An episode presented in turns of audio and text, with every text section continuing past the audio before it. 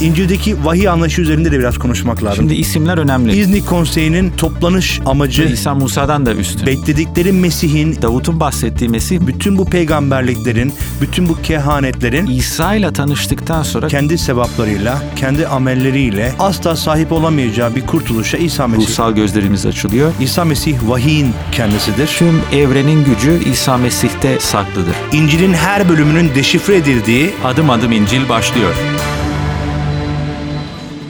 Adım Adım İncil programında Radyo Maranata'dan bizi dinleyen tüm dinleyicilerimize ben Mark Madrigal. ben Emre Karali merhaba diyoruz. Bu program boyunca elimizden geldiğince, dilimiz döndüğünce sizlere kutsal kitabın yeni antlaşma bölümleri, bilinen ismiyle İncil'in her bölümünü ele alacağız. Açıklamaya, sıkça sorulan soruları yanıtlamaya çalışacağız. Soru ve görüşlerinizi sosyal medya hesaplarından et Radyo Maranata yazarak ya da www.radyomaranata.com web sitesinden mail yoluyla bize ulaşabilirsiniz diyoruz ve bugünkü programımıza başlıyoruz. Sevgili dinleyiciler bugün Romalılar mektubu üzerinde konuşacağız İncil'in bölümlerinden. Ee, konuya girmeden önce hatırlatmak isterim. Sosyal medya hesaplarından et Radyo Maranata yazarak bize ulaşabilirsiniz. Soru ve görüşlerinizi aynı zamanda soru et radyomaranata.com adresinden bize ulaştırabilirsiniz.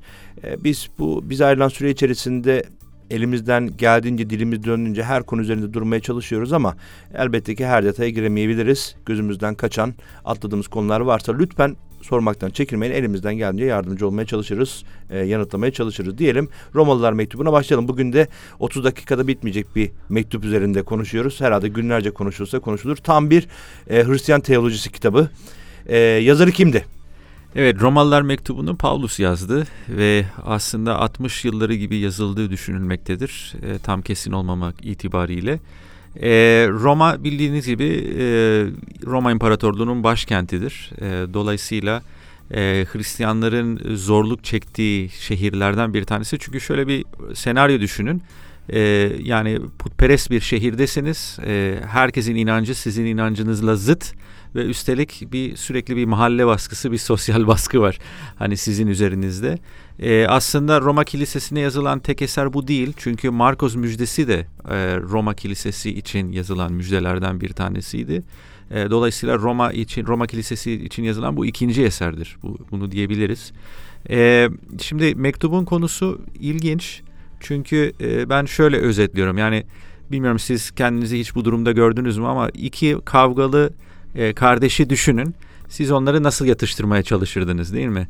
Yani belki e, biraz e, işte sen böyle hata yapıyorsun, sen de böyle hata yapıyorsun. Hadi siz kardeşsiniz, hani böyle yapmayın, anlaşın, birbirinizi öpün şeklinde. belki değil mi? E, şimdi neden bunu söylüyorum? Çünkü e, Roma Kilisesi'nde iki tane kavgalı kısım var. Yani bir Yahudi Hristiyanlar var. Bir de putperestlikten Hristiyanlığa geçmiş olan Helen veya Grek bir kısım var. Ve tabii e, kendi işlerinde birçok farklılıklar içeriyorlar. Çünkü diğer uluslardan gelen e, Hristiyanlar bir şekilde farklı bir geçmişten geliyorlar. Evet. E, Yahudi e, kökeninden gelip de e, Hristiyan olanlar da e, çeşitli konularda kendilerini e, diğerlerinden üstün görüyorlar ve böyle e, bir, bir çatışma söz konusu. O zaman bu, bu mektubu anlamak istiyorsak biraz hikayeyi bilmemiz lazım. Kilisenin hikayesi. O zaman kilise nasıl kuruldu? E, büyük ihtimalle e, Pentikos'tan e, sonra e, yani kutsal ruhun e, güçlü bir şekilde inmesinden sonra hatırladığımız gibi elçiler farklı dillerde konuşmaya başlıyor ve orada çeşitli kişiler hacda olan kişiler iman ediyor. Yeruşalim'e hac için gelmiş kişiler. Onlar kendi memleketlerine dönüyor ve kiliseler e, kuruyorlar veya e, topluluklar kuruyorlar diyebiliriz. Aslında bu, bu mektubun e, özel bir tarafı da belki de odur. Çünkü Pavlus genellikle yazdığı mektuplar kendi kurduğu kiliselere evet, yönelik. Roma kilisesini tanımıyor. Evet, Roma Evet. Kilisesi tanımadığını mektubun içeriğinden görebiliyoruz. Aslında Roma'ya gitmeyi e, arzuluyor ve bir anlamda e, Roma Kilisesi'nde orada bir bir anlamda orayı bir üs olarak kullanmayı ve onların desteğini de arzuluyor ve bunu istediğini de söylüyor. Dolayısıyla e, belki dinleyicilerimize bunu söylemek gerekiyor. E, Pavlus'un yazdığı mektupların büyük bir kısmı e, kendi kurduğu kiliseleri olmakla beraber Roma Kilisesi'ni tanımıyor duyumlar sonucunda. Ve belki bundan dolayı Pavlus'un en uzun mektubu bu mektuptur. Çünkü özellikle giriş kısmı çok uzun. Yani çünkü yani varsayın ki tanımadığınız bir kişiyle yazışıyorsunuz. İlk önce kendinizi tanıtmanız lazım. Bir nevi birinci bölümde yaptığı bu. Yani sanki bir CV veriyor. İşte ben Pavlus'um, Mesih'in kölesiyim. e, efendim şöyle şöyle elçi olarak atandım, görevim şudur, misyonum budur gibi adeta sanki bir CV paylaşırcasına evet, hem kiliseyi de, kendi biyografisini anlatıyor. Hem de bir anlamda orada e, kendi yani Hristiyanlığa bakış açısını bir anlamda hani bugün Hristiyanlık olarak söylüyoruz ama e, o gün Mesih'e iman etmenin ya da Mesih'in müjdesinin e, bakış açısını da ortaya koyduğu e, o ilk bölümler. Yani ben duruma böyle bakıyorum, e, sizinle birim, ben de buyum e, yani diye başlıyor. Aynı takımdayız, aynı ailenin bir parçasıyız gibi. Yani düşmanlık için yazmıyorum, gönlünüzü kazanmak için yazıyorum şeklinde. Şimdi dedik ya biraz hik- hikayeyi bilmek lazım kilisenin.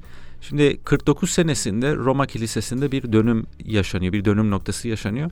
Claudius adında bir imparator e, Roma şehrinden Yahudileri kovuyor. Ve bunu hem Roma kayıtlarından biliyoruz çünkü Suetonius adında bir tarihçi bundan bahsediyor ama aynı zamanda Elçilerin İşleri 18.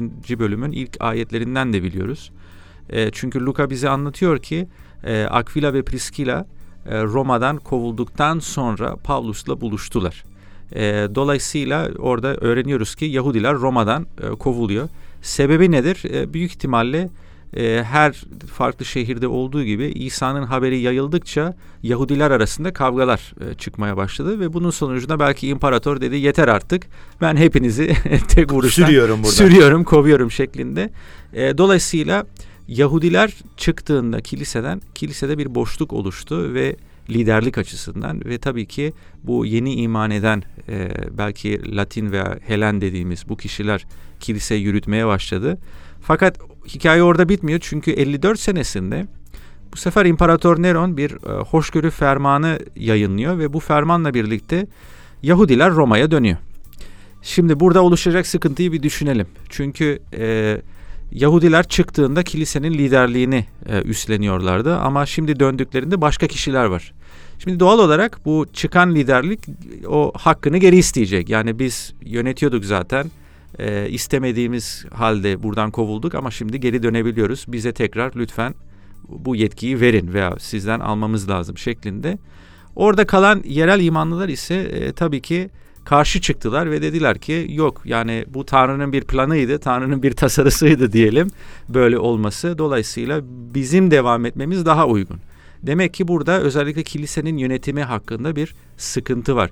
Kim Rab kimi seçti? Yani burada biraz da seçilmişlik konusuna giriyoruz ister istemez. Zaten Ki, e, e özellikle var. özellikle 9 ve 11 bölümleri arasında Paulus bundan bahsedecek. E, Rab kimi seçti? Yani e, Yahudileri mi seçti e, Tanrı halkını yönetmesi için yoksa gayri Yahudileri, yabancıları mı seçti Tanrı halkını yönetme açısından? Paulus bu konulara değinecek. Ama bunu çok ustaca bir şekilde yapıyor. E, çünkü dediğim gibi iki tarafa da hitap ettiği için e, ilk üç bölümde aslında Paulus iki tarafa yanlış olduklarını ifade ediyor. Yani ikisinin de günahı aynı. İkisi de kibir yapıyor. Evet ve yargı koyuyorlar. Ve birbirine yargılıyorlar. yargılıyorlar. Zaten ee, ikinci bölüm e, bir şekilde onunla başlıyor. Sen başkasını yargılayan kim olursan ol özrün yok diye e, söze giriyor bir anlamda.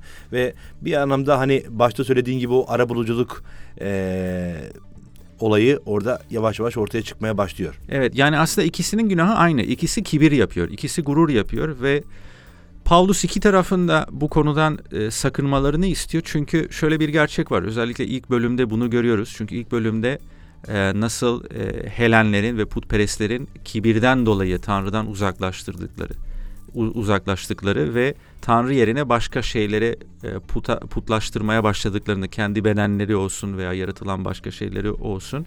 Onun için Pavlus çok Üç, temkinli. Üçüncü bölümde de bu sefer Yahudiler için evet, aynı evet, şey başlıyor. İki tarafı yani. için. Yani ilk önce Romalılara bir hitap var. Diyor ki aman aman yani dikkat edin çünkü atalarınız da kibir günahına düştü ve onların kibir günahı onları tanrısız yaptı. Evet. Ama hemen sonrasında ikinci bölümde ve üçüncü bölümde Yahudilere hitap ediyor. Sen ee, kendini üstün zannediyorsun. Ve, ve, ve aynen evet. yani tamam e, doğru e, biz belki putperest değildik, değiliz. Ama eğer kibir işliyorsak putperestlerden pek farkımız yok. Çünkü bu sefer biz kendimizi Tanrı yerine koyuyoruz başkalarını yargılarken. Yani onun için 3. bölümün 23. ve 24. ayeti bir önemli bir ayet, çok bilinen bir ayet. Diyor ki Paulus çünkü herkes günah işledi ve Tanrı'nın yüceliğinden yoksun kıldı. Yani Tanrı'nın önünde e, haklı biri yok. Bunu demeye getiriyor Paulus. Çünkü her iki taraf kendi haklılığını savunuyor. Kendi kendini meşrulaştırmaya çalışıyor diğerinin önünde. Biz daha doğruyuz, onlar daha yanlış. Paulus diyor ki kusura bakmayın hepiniz yanlışsınız. Hepiniz kibir yapıyorsunuz. Bu da ciddi bir teolojidir. Çünkü aslında yaratılıştan başlayarak, e, günahın ortaya çıkışından başlayarak e, Hristiyan teolojisinde bütün peygamberleri de içine alan e, yaşamış her e, kişi işini alan bir sözcük. Yani herkes günah işledi derken orada bundan bahsediyor. Yeri gelmişken onu söyleyelim. Bir anlamda hani dedik ya büyük bir teoloji kitabıdır bir anlamda. Hristiyan teolojisini anlatan bir kitaptır. Bir şekilde Hristiyanlığın günaha bakışını da görebiliyoruz bu ayetlerden diyelim. Parantezi kapatalım ve devam edelim. Tabii. E, şimdi bu e, teşhisi koyduktan sonra yani sizin probleminiz bu, sizin hastalığınız bu. O zaman dördüncü bölümden itibaren Paulus ilaçtan bahsedecek. Yani günaha olan ilaç nedir? Kibire olan ilaç nedir? İman. O zaman dördüncü bölümden itibaren özellikle İbrahim'in imanından e, örnek alarak örnek alarak e, bahsetmeye başlayacak. Yani çok ilginç çünkü İbrahim e, yaptığı herhangi bir faaliyetle Tanrı önünde salih kılınmadı.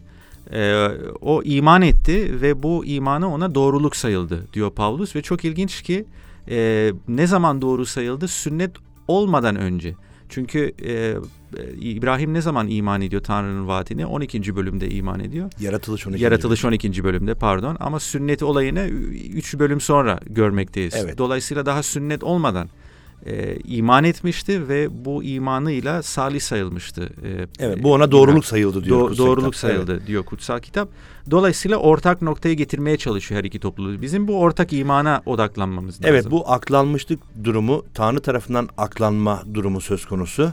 E, kişilerin bireysel olarak yaptıkları e, iyi ya da e, doğru olma yöntemiyle değil imanla bir aklanmanın söz konusu olduğu e, ve ilacın bu olduğunu da Paulus ortaya koyuyor. E, ilginçtir çünkü İbrahim önemli bir karakter olmasına rağmen e, bir, bir şekilde atadır, iman atası olarak da e, ortaya çıkıyor. Bununla beraber e, büyük bir örnek teşkil ediyor. Yaptığımız hiçbir iş Tanrı'nın gözünde bizi aklamaya yeterli değildir. İbrahim aklanmadıysa kaldı ki biz kimiz?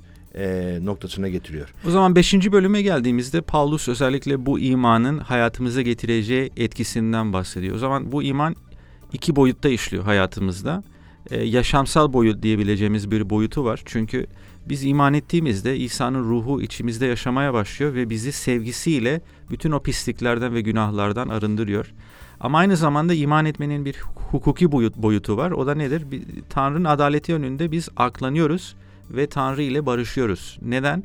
E, çünkü e, Mesih'in bizim yerimize e, ceza aldığına iman ettiğimizde kefaret ödediğine. bir kefaret ödüyor. Yani şöyle bir şey var. Tanrı e, kirli bir kulunu kabul edemez. O kulun aklanması lazım ki Tanrı onu kabul edebilsin. Kişisel bir ilişkiyi e, sürdürebilmesi için. Evet. Aden bahçesindeki aslında o ilişki öyleydi. Günahtan önce Tanrı ile kişisel bir görüşme söz konusuydu. E, Aden bahçesi de bu dünyadaydı zaten. E, fakat günahın ardından e, kirli olan insanla kutsal olan Tanrı'nın bir arada olabilmesi mümkün değildi. Bu yüzden bir kopuş meydana geldi. Bir anlamda İsa Mesih e, bu barışı sağlıyor, bu köprüyü sağlıyor. Çarmıhta ödediği e, o kefaretle. Ve biz artık tekrar Tanrı'yla barışmış sağlanıyor, e, sayılıyoruz. Bu Tanrı'nın adalet sistemi içerisinde önemli bir nokta. Evet. Şimdi tabii burada özellikle 6. bölümde Paulus bir parantez açacak. E, çünkü Hem de Türkiye'de çok konuşulan bir konu üzerinde parantez açıyor. Günah konusunda. Evet yani çünkü şöyle şimdi dedik ya iki tane kısım var e, kilisenin içerisinde. E, Paulus işte imanla kurtuluşu vurguluyor, lütufla kurtuluşu vurguluyor.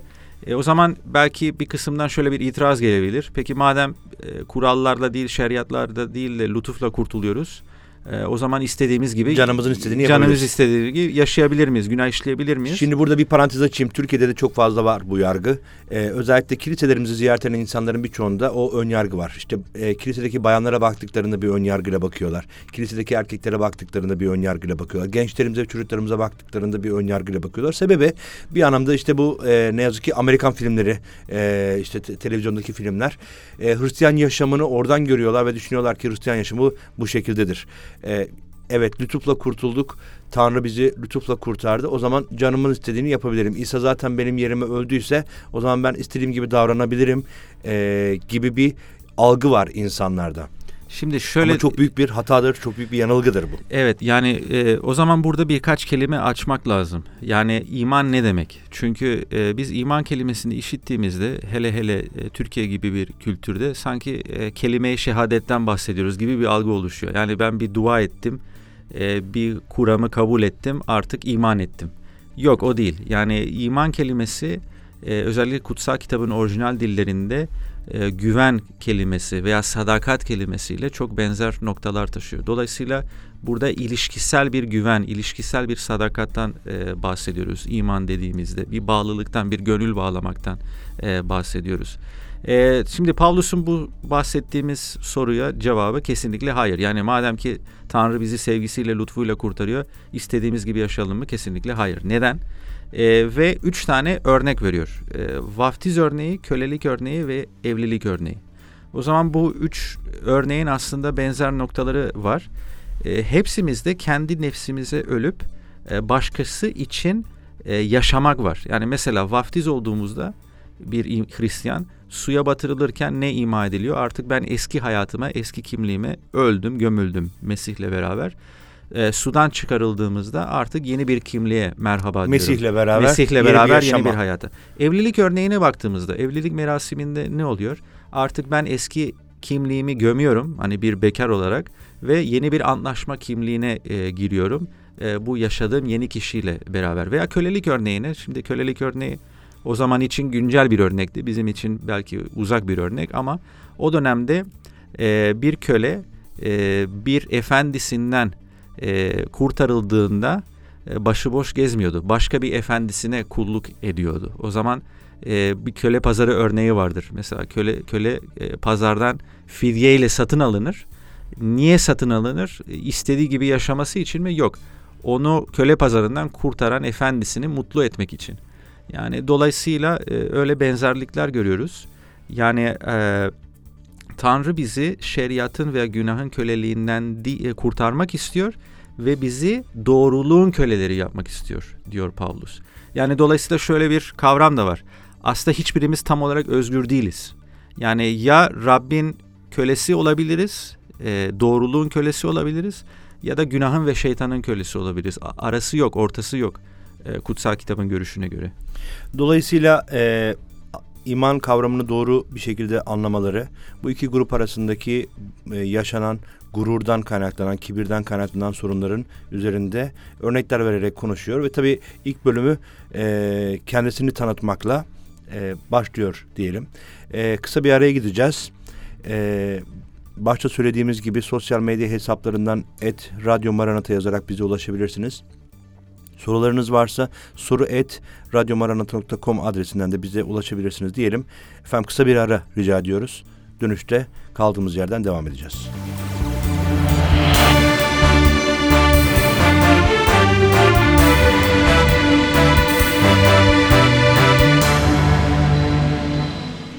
Sevgili dinleyiciler kısa bir aranın ardından sizlerle beraberiz. Radyo Maranata'da Adım Adım İncil programında bugün Romalılar mektubu üzerinde konuşuyoruz. Pavlus'un yazmış olduğu e, Romalılar mektubu. Roma Kilisesi, Roma'daki kiliseye yazılmış bir mektup. E, bir anlamda bu kardeş tartışmasını, e, çelişkisini ortadan kaldırmayı amaçlayan ve Pavlus'un yapacağı ziyaret için e, kendisini tanıttığı bir ön hazırlık niteliğinde bir mektup olarak ilk bölümde söyledik. Birkaç detay üzerinde konuştuk. Şimdi ikinci bölüme başlarken özellikle e, elçilerin işlerinde başlayan aslında İsa'nın göğe yükselişiyle başlayan kutsal ruhun kilise üzerine gelişi ve kutsal ruhun yönlendirişi e, sık sık değindiğimiz konularda. Elçilerin işleriyle ilgili e, bölümü dinleyen dinleyicilerimiz oradan e, hatırlayacaklardır. Romalılarda da aslında benzer bir şey görüyoruz. Özellikle Pavlus'un e, kendi dinini oluşturmaya çalıştığını e, iddia eden bir takım kişiler için de bir, e, bir, bir şekilde bu e, açıklayıcı bir bilgi olacaktır. E, 8. bölüme geldiğimizde orada kutsal ruhun varlığı üzerinde konuşmaya başlıyor Pavlus. Evet. Yani çok özet bir şekilde ana hatları e, açıklayacak olursak iki kavgalı taraf, iki kavgalı tarafın aslında problemi aynı. İki taraf da gurur yapıyor, kibir yapıyor. Zaten ilk üç bölümde Pavlus bundan bahsediyor. Bu kibire çare ne? Ortak yönlerini keşfetmek ve e, imanda, aynı imanda e, temellenmek. E, dolayısıyla e, hastalığı kibir olarak görüyorsak ilaç da imandır. Ama imanın içerisinde etkin olan şey ne, madde ne? O da kutsal ruh. Yani ben özellikle bu hastalık e, örneğini kullanmayı seviyorum. Çünkü bence e, günah bir kanser gibi veya bir virüs gibi e, hayatımızda. E, Paulus diyor ya ben e, istediğimi yapamıyorum şeklinde e, evet. bir, bir, bir, bir feryadı var. O zaman anlıyorum ki bende etkin olan baş, başka bir yasa var vücudumun içinde. Yani sanki e, bir virüs bizi e, kendi kontrolüne almış. Buna günah diyebiliriz. Ve bundan bir türlü kurtulamıyoruz. Ama aslında bir kurtuluş yolu var. O kurtuluş yolu nedir? O ilaç nedir? İmandır ve bu imanı etkin kılan nedir? Kutsal ruhtur. Yani e, ilacın içindeki etkin e, madde. O zaman biz iman ettiğimizde ve kutsal ruhu e, aldığımızda e, kutsal ruh sanki bu virüsü öldüren bir antibiyotik gibi vücudumuzun içinde, hayatımız içinde e, işliyor ve bu şekilde bizim de tabiatımız e, değişiyor. E, ve çok ilginç çünkü kutsal ruhtan sürekli beslenmek lazım ki e, kişi sağlıklı bir hayat e, sürdürebilsin. Onun için Paulus diyor ki aslında yasadan sakınmamız lazım. Ne açıdan yasadan sakınmamız lazım? Yani yasa iyi, şu şekilde iyi. Bize belirli kurallar veriyor. Tanrı'nın hangi ahlak standartlarını bize bizden beklediğini e, e, söylüyor. E, fakat eğer sadece yasadan e, besleniyorsak e, bu benliğimiz için kötü. Yani bir örnek kullanacak olursak e, kanser hücresi e, kanser hücresini beslemek istiyorsak bol bol şeker verin, bol bol karbonhidrat verin. E, gittikçe kuvvetlenir. O zaman bizim tabiatımız da böyle. E, sürekli tabiatımızı yasayla şekillendirmeye çalışıyorsak e, sanki biz o virüsü besliyoruz. E, benliğimiz e, aslında Tanrı'dan daha fazla uzaklaşıyor. Dolayısıyla çare nedir? Çare hayatımızı kutsal ruhla daha fazla doldurmaktır ve bunu yaptığımızda tabiatımız değişiyor. E, çünkü içimizde bir umut e, doğuyor. E, kutsal ruh hayatımıza rehberlik ediyor. İsa'nın benzeyişine bizi karakter açısından e, değiştiriyor. Bize temiz bir vicdan veriyor ve bizi Tanrı'nın sevgisine bağlı kılıyor. Onun için Paulus'un meşhur bir söz vardır. Beni Tanrı sevgisinden ne ayıracak? Hiçbir şey ayıramaz çünkü Tanrı'nın ruhu bende etkin. Hem de orada 8. bölümde benlik ve kutsal ruh e, tercihleri üzerinde de konuşuyor Paulus. Tabi dediğim gibi her detayı konuşamıyoruz ama işte benliğe uyanlar kendi arzularının peşine giderler ama kutsal ruha uyanlar e, Tanrı'nın istemlerinin peşine giderler.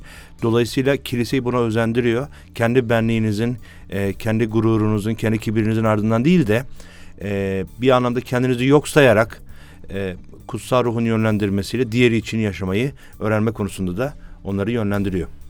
Evet ve bundan sonra Paulus asıl e, belki problem kısmı olan işte bu seçilmişlik mevzusuna giriyor. 9 ve 11 bölümleri. Hani iki tarafta diyordu ya yok ben seçilmişim yok sen seçilmişsin şeklinde e, bu seçilmişlik konusunu kullanarak e, kilisede aslında kendilerinin liderlik yapması konusunda e, e, şey yapıyorlardı. iddiada bulunuyorlardı.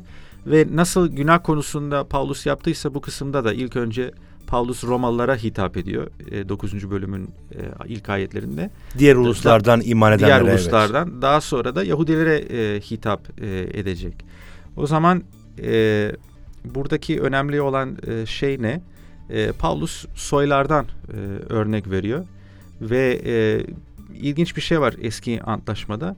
E, genellikle soy kayıtlarına baktığımızda e, ailenin ismi veya mirası büyük oğlandan değil küçük oğlandan devam ediyor. Yani bir örnek e, vermek gerekirse e, İbrahim'in ilk doğanı e, İsmail'di ama a, aile ismi ve mirası İshak'tan e, devam etti. Veya İshak'ın çocukları var Esaf ve Yakup. İlk doğan Esav'dı ama aile mirası kimden devam etti? E, Yakup'tan devam etti. E, o zaman bunu bir örnek olarak kullanıyor. E, yani miras küçüğünden devam etti. Neden? Çünkü ilk doğan Tanrı'nın vaadini hor gördü. Benzer şekilde şimdi Tanrı diğer uluslarda e, işliyor. E, çünkü Yahudi halkı yani belki e, Tanrı'nın seçmiş olduğu ilk halk e, diyelim. Onun vaatlerini hor gördü. Mesih'in vaadini hor gördü. Onun için Tanrı şimdi diğer ulusları kullanarak kendi müjdesini ve kendi haberini dünyaya ulaştıracak. E, şimdi tabii burada bir itiraz söz konusu olabilir. Çünkü kimisi diyebilir ki peki e, Tanrı bu yabancı ulusları seçmekle haksızlık mı yaptı şeklinde. Bu da Yahudilerin bir itirazı olabilir ama Pavlus diyor ki yani kir çömlekçiyle nasıl meydan okuyabilir? Yani eğer Tanrı bazı kapları onurlu işler için bazılarını ise bayağı işler için kullanıyorsa buna itiraz edecek hakkımız yok. Çünkü çömlekçi özgürdür. Dilediği gibi yapar, dilediği gibi işler. Dolayısıyla biz Tanrı'ya e, deme hakkımız yok. Sen işleri yanlış yapıyorsun. Biz bilmiyoruz. O bütün tabloyu, o bütün resmi görüyor. Biz bütün resmi e, göremiyoruz. Tabii özellikle bu e, 9. bölümde ve 10. bölümdeki e, konular kilise tarihi boyunca da birçok e, defalar konuşulup çeşitli e, bana göre kişisel görüşüm yersiz tartışmalara gitmiş. Özellikle bu seçilmişlik konusu üzerinde e, kimin seçildiği, nasıl seçildiği gibi konular çok var. Programda bunlara çok fazla girmeyi, girmemeyi tercih ediyoruz. Çünkü e, bir noktaya ulaşacak cevaplar değil bazıları. E, ve bunu Tanrı'nın hikmetine bırakmak gerekiyor bir noktada. E, tabii ki bu Hristiyan teolojisini etkileyen bir konu da değil e, bir anlamda. O nedenle e, o inanç meş, e, hepimizi ortak kılan e, o inanç bildirgemiz de e, bir değişikliğe sebep olmadığı için biraz e, bunların üzerinden geçiyoruz. Hem de zamanda bunun için biraz kısıtlı. Evet. Ve arkasından da e, İsraillere e, hitap etmeye başlıyor Paulus. Evet yani Yahudilere hitap ediyor. Yani biz e, kimiz ki Tanrı'ya ne yapacağını söyleyebiliriz şeklinde. Daha sonra Romalılara hitap ediyor. Özellikle 10 ve 11. bölümün geri kalanında Romalılarda da şöyle bir tehlike var. Yani siz de aman şu duruma düşmeyin. Ha, Tanrı Yahudileri reddetti, bizi seçti filan falan. Siz de kibir günahına kapılmayın yalnız. Yani çünkü e, nasıl ki bir ağaç düşünün. E, bu ağacın dalları varsa ve Tanrı çürük dalları kestiyse e, sizi de kesebilir. Yani aynı günaha e, düşecek olursanız bu kibir günahına. Bütün bu e, süreç içerisinde Pavlus aslında ne kadar e, hikmetli ve bilgeli olduğunu görebiliyoruz. Yani bunu aslında bir insanın üstünde bir kutsal ruhun bilgeliğiyle yazıldığı da ortada. Çünkü iki hassas grup iki hassas denge ve Paulus bütün mektup boyunca bu dengeyi korumaya çalışıyor ve aynı zamanda söylenmesi gereken, asıl odaklanılması gereken konular üzerinde de her iki tarafı da uyarıyor bir şekilde. Evet. Ve hatırlayalım ki Paulus bu kilisedeki insanlarla tanışmış biri değildi. E, dolayısıyla aslında çok riskli de bir iş yapıyor. Yine de e, kutsal ruhun gücüyle bu bunu gerçekleştirebiliyor. Yani ve önemli bir şey de altını çizmemiz e, lazım. Yani burada bizi seçilmiş yapan et, etnik kökenimiz değil. Yani e, burada insanları e, seçilmiş yapan yani seçilmişli bir gemi olarak düşünebiliriz. E, ister e, Yahudi ister yabancı olalım hiç fark etmiyor. İmanla aynı geminin mürettebatı e, oluyoruz. Aynı geminin üyeleri e, oluyoruz. Markos 16. evet Markos 16. bölümün sonunda e, 16. bölümde e, İsa söylüyor. E, gidin bütün yaratılışa müjdeyi duyurun diyor. Evet. Burada anlamamız gereken şey yani Tanrı e, fiziki bir e, İsrail kurmakla ilgilenmiyor. Onun ilgilendiği şey ruhsal bir e, halk kurmak ve bu halkın içerisinde ister Yahudi olsun, ister Türk olsun, ister İspanyol olsun, hangi ulusla olsun fark etmiyor onun için. Çünkü aslında hepimiz Tanrı gözü önünde çocuklarız. Hepsi aynı babadan geliyoruz diyebiliriz. Dolayısıyla Tanrı hiçbir şekilde etnik ayrımcılık da yapmıyor. Evet Tanrı'nın bakış açısında zaten böyle bir şeyin olması da çok mümkün değil. Ee, İsa'nın da öğrencilere bu buyruğu verirken e, dünya bütün yaratılışa müjdeyi duyurun buyruğunu verirken e, vurgulamak istediği de müjdeyi duyurun değil uluslara müjdeyi duyurun şeklinde evet. olduğunu da e, görebiliyoruz. Ve bununla beraber aslında Romalıların son kısımlarına 4, 12. bölümden 16. bölümü olan kısma geliyoruz ve burada Paulus tek bir benen olarak e, nasıl yaşamalıyız? Bizim imanlar olarak sorumluluğumuz nedir? Özellikle, Özellikle sevgi ve barış hayatı ve nasıl kutsal yapılır? kutsal bir yaşam ve üzerinde. kutsal bir hayat nasıl sürdürülür? Çünkü amaç bu. Yani Tanrı'nın amacı e, bütün uluslardan insanları kendisine çekerek e, yeni bir e, halk kurmak ve e, eğer ki biz birbirimizle barışçıl bir şekilde ve sevgi çerçeve içerisinde yaşamayı bilmiyorsak o zaman başkaları da İsa'yı tanıyamayacak. Bu önemli bir husus. Bu çok önemli. Hem e, kilise içerisinde hem de kilisenin toplum içerisindeki rolü üzerinde de konuşuyor Paulus. Ve özellikle 12. bölüm 19. E, ayetler 20. ayetler çok önemli. E, genel Hristiyan e, Hristiyanlara yönelik genel bir yargıyı da ortadan kaldıran e, öğretici ayetler aslında. Diyor ki sevgili kardeşler kimseden öç almayın bunu Tanrı'nın gazabına bırakın. Bu, bu öz, önemli bir e, öğreti e, diyor ki Rab diyor ki öç benimdir ben karşılık vereceğim. Dolayısıyla bir Hristiyan öç alamaz. Evet da, da, da, dahası var. Mesela 13. bölümün ilk ayetlerinde diyor ki yönetimlere boyun eğmek lazım. Yani bir Hristiyan için e, devlete karşı isyan e, düşünülemez. Yani söz konusu böyle, değil evet. Söz konusu değil yani böyle yapıyorsa demek ki Hristiyan değil. Çünkü buradaki ilkelere uymuyor e, evet. bu kişi. E, kul hakkı yememek, borçlarımızı ödemek. Düşmanların acıkmışsa onları doyur, evet, susamışsa e, su ver gibi buyruklar. Ge, gece çılgınca eğlenen ve sarhoş olanlar gibi değil e, diyor ışık çocukları gibi yani gizli yönü olmayan dürüst kişiler e, sözü özü aynı olan kişiler ve bu çok ilginçtir çünkü e, bunlar ne zaman yazılıyor? Bu mektup ne zaman yazılıyor? Nero'nun imparator olduğu bir dönemde. Yani Nero'da korkunç bir dönemde korkunç bir e, şeydi. Yani diyebilirsiniz ki nasıl olur böyle şey? Ama Tanrı e, devletleri e, kurmak veya bölmekle değil e, Tanrı'nın ilgilendiği şey insanın yüreği ve insanı kendisiyle barıştırmak. Ee, bu çok önemli. Bakış açısı aslında şöyle olması gerekiyor. Zaten Tanrı bütün yönetimlerin üstünde olandır. Yani bütün yönetimler Tanrı'nın eli altındadır bir anlamda. Dolayısıyla bir Hristiyanın bakış açısı üzerinde duruyor. Aynı zamanda kilise içerisinde e, sorun yaratabilecek başka konular da vardı. Özellikle e, bu yiyecek içecek meseleleri vardı. Onlara da değiniyor 14. bölümde. E, zira Yahudiler için çok önemli konulardı. Özellikle Levillerde e, sık sık kayda alınan bazı işte hayvanların etini yenmemesi gibi e, yahut da bazı hayvanlara dokunulmaması gibi, bazı içeceklerin ellenmemesi gibi. E, dolayısıyla iki kültür arasındaki o kültür farklılığından oluşan e, temel temel noktalar da vardı. E, bunların da herhangi bir sorun oluşturmaması gerektiğini Yine de aynı bakış açısıyla yani eğer bu kardeşime bir zarar verecekse de onun tökezlemesine sebep olacaksa o zaman bundan vazgeçmeliyim. Yani e, önemli olan bu dünyada ne yiyip ne içtiğim değil daha önemli olan e, bir, bir canın e, Mesih'te olması. Şimdi bu bir kilise üye olduğumuzda hepimizin çektiği sıkıntılardan bir tanesi. Çünkü kilise dediğimiz homojen bir yer değil. Yani e, farklı e, kültürel birikimlerden gelen, e, farklı inanç geçmişlerinden gelen, e, farklı maddi standartlarda yaşayan, fa- sosyal tabakanın farklı kesimlerinden gelen insanlar var. O zaman e, kiliseye geldiğimizde e, şeytanın her zaman bir ayartması nedir? İnsanları, bizim gibi olmayan insanları yargılamak değil mi? E, ama aslında kilise öyle bir yer olmalı ki e, hangi etnik gruptan olsun, hangi sosyal tabakadan olsun, hangi e, felsefe veya e, e, politik bakış açısına sahip olsun, e, hepsinin aslında e, birbirini sevdiği ve Mesih'te odaklandığı bir ortam olması lazım. Zaten insan bunu görünce diyor ki ya burada farklı bir şey var. Yani ben kendi kilisemden bahsedeyim. Bizim kilisemiz böyle. Yani farklı inanç geçmişlerinden, farklı etnik kökenlerden gelen insanlar var. Evet, her kilise aslında. Evet ve ve insanların şaştığı şeylerden bir tanesi ya bu kadar zıt olan hani insanlar nasıl böyle iyi anlaşıyorlar? Nasıl birbirini sevebiliyorlar? Nasıl birbirine hizmet edebiliyorlar? Bence müjdenin en güçlü mesajı da bu. Paulus'un zaten Romalılar 15. bölümde 5. ve 6. ayette bunun sırrını da veriyor. Diyor ki sabır ve cesaret kaynağı olan Tanrı sizleri Mesih İsa'nın isteğine uygun olarak aynı düşüncede birleştirmesini dilerim diyor. Evet, Dolayısıyla yani...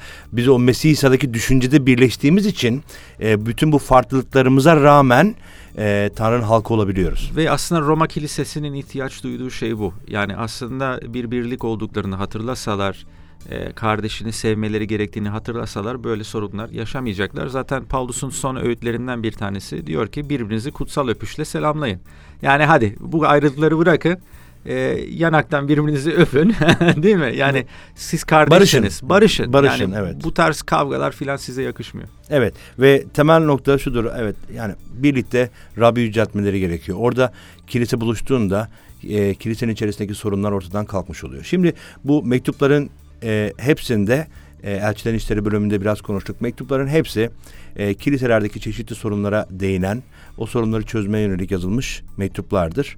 E, ve Aynı zamanda şunu da söylemek gerekiyor. Bu mektup Romalılara yazıldıysa o zaman sadece Roma'daki kiliseyi ilgilendiren sorunlar mıdır? Hayır.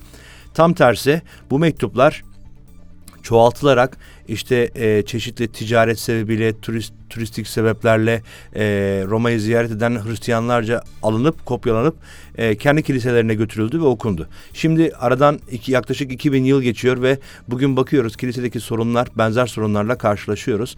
Ve bu anlamda e, Romalılar mektubu olsun, diğer bütün mektuplar olsun, kilisenin e, e, iç işleyişinde e, bir, e, bugün büyük bir e, rol oynuyor ve e, neyi ne şekilde yapmamız gerektiği ya da hangi soruna nasıl cevap vermemiz gerektiği üzerinde de bize büyük bir öğreti veriyor. İşte bundan dolayı bu yazılar zamansızdır. Yani çünkü zaman mekan e, sınırı olmadan hepimizin yaşadığı ortak problemlere hitap ediyorlar. Ve bu da kutsal ruhun gücüyle ancak mümkün olabiliyor. Bunu da net bir şekilde görüyoruz. O halde e, bugün Romalılar bölümünün e, sonuna gelelim. Yavaş yavaş programımızı bununla bitirelim. E, bu çok değerli bir mektuptur. E, gerçekten teolojik anlamda bir Hristiyan neye inanır, neye inanmalıdır, bir Hristiyan nasıl yaşanmalıdır, e, bütün detaylarıyla anlatan özel bir özel bir mektup bu e, Romalılar mektubu ve e, bu mektup bugün elimizde olduğu için de şükrediyoruz e, birlikte. Evet değerli dinleyiciler e, sosyal medya hesaplarından soru ve görüşlerinizi bize ulaştırabilirsiniz. E, bütün sosyal medya hesaplarından et Radyo Maranata yazarak bize ulaşabilirsiniz. Sorularınız varsa, görüşleriniz varsa lütfen bizimle paylaşın. E, bu bizi teşvik eder. E, sormak istediğiniz her ne varsa yanıtlamak için de elimizden geleni yaparız. Aynı zamanda e-mail adresimiz soru et radyomaranata.com adresi. E, lütfen bize yazmaktan çekinmeyin. Bir sonraki programda görüşmek dileğiyle. Bir sonraki program birinci Korintiler mektubu. E, heyecanlı da bir mektup aynı zamanda bir serinin ilk ilk bölümü. E, bir sonraki programda görüşmek dileğiyle diyelim. Ben Emre Karali. Ben Mark Madrigal. Hepinize esenlikler diliyoruz. Hoşçakalın.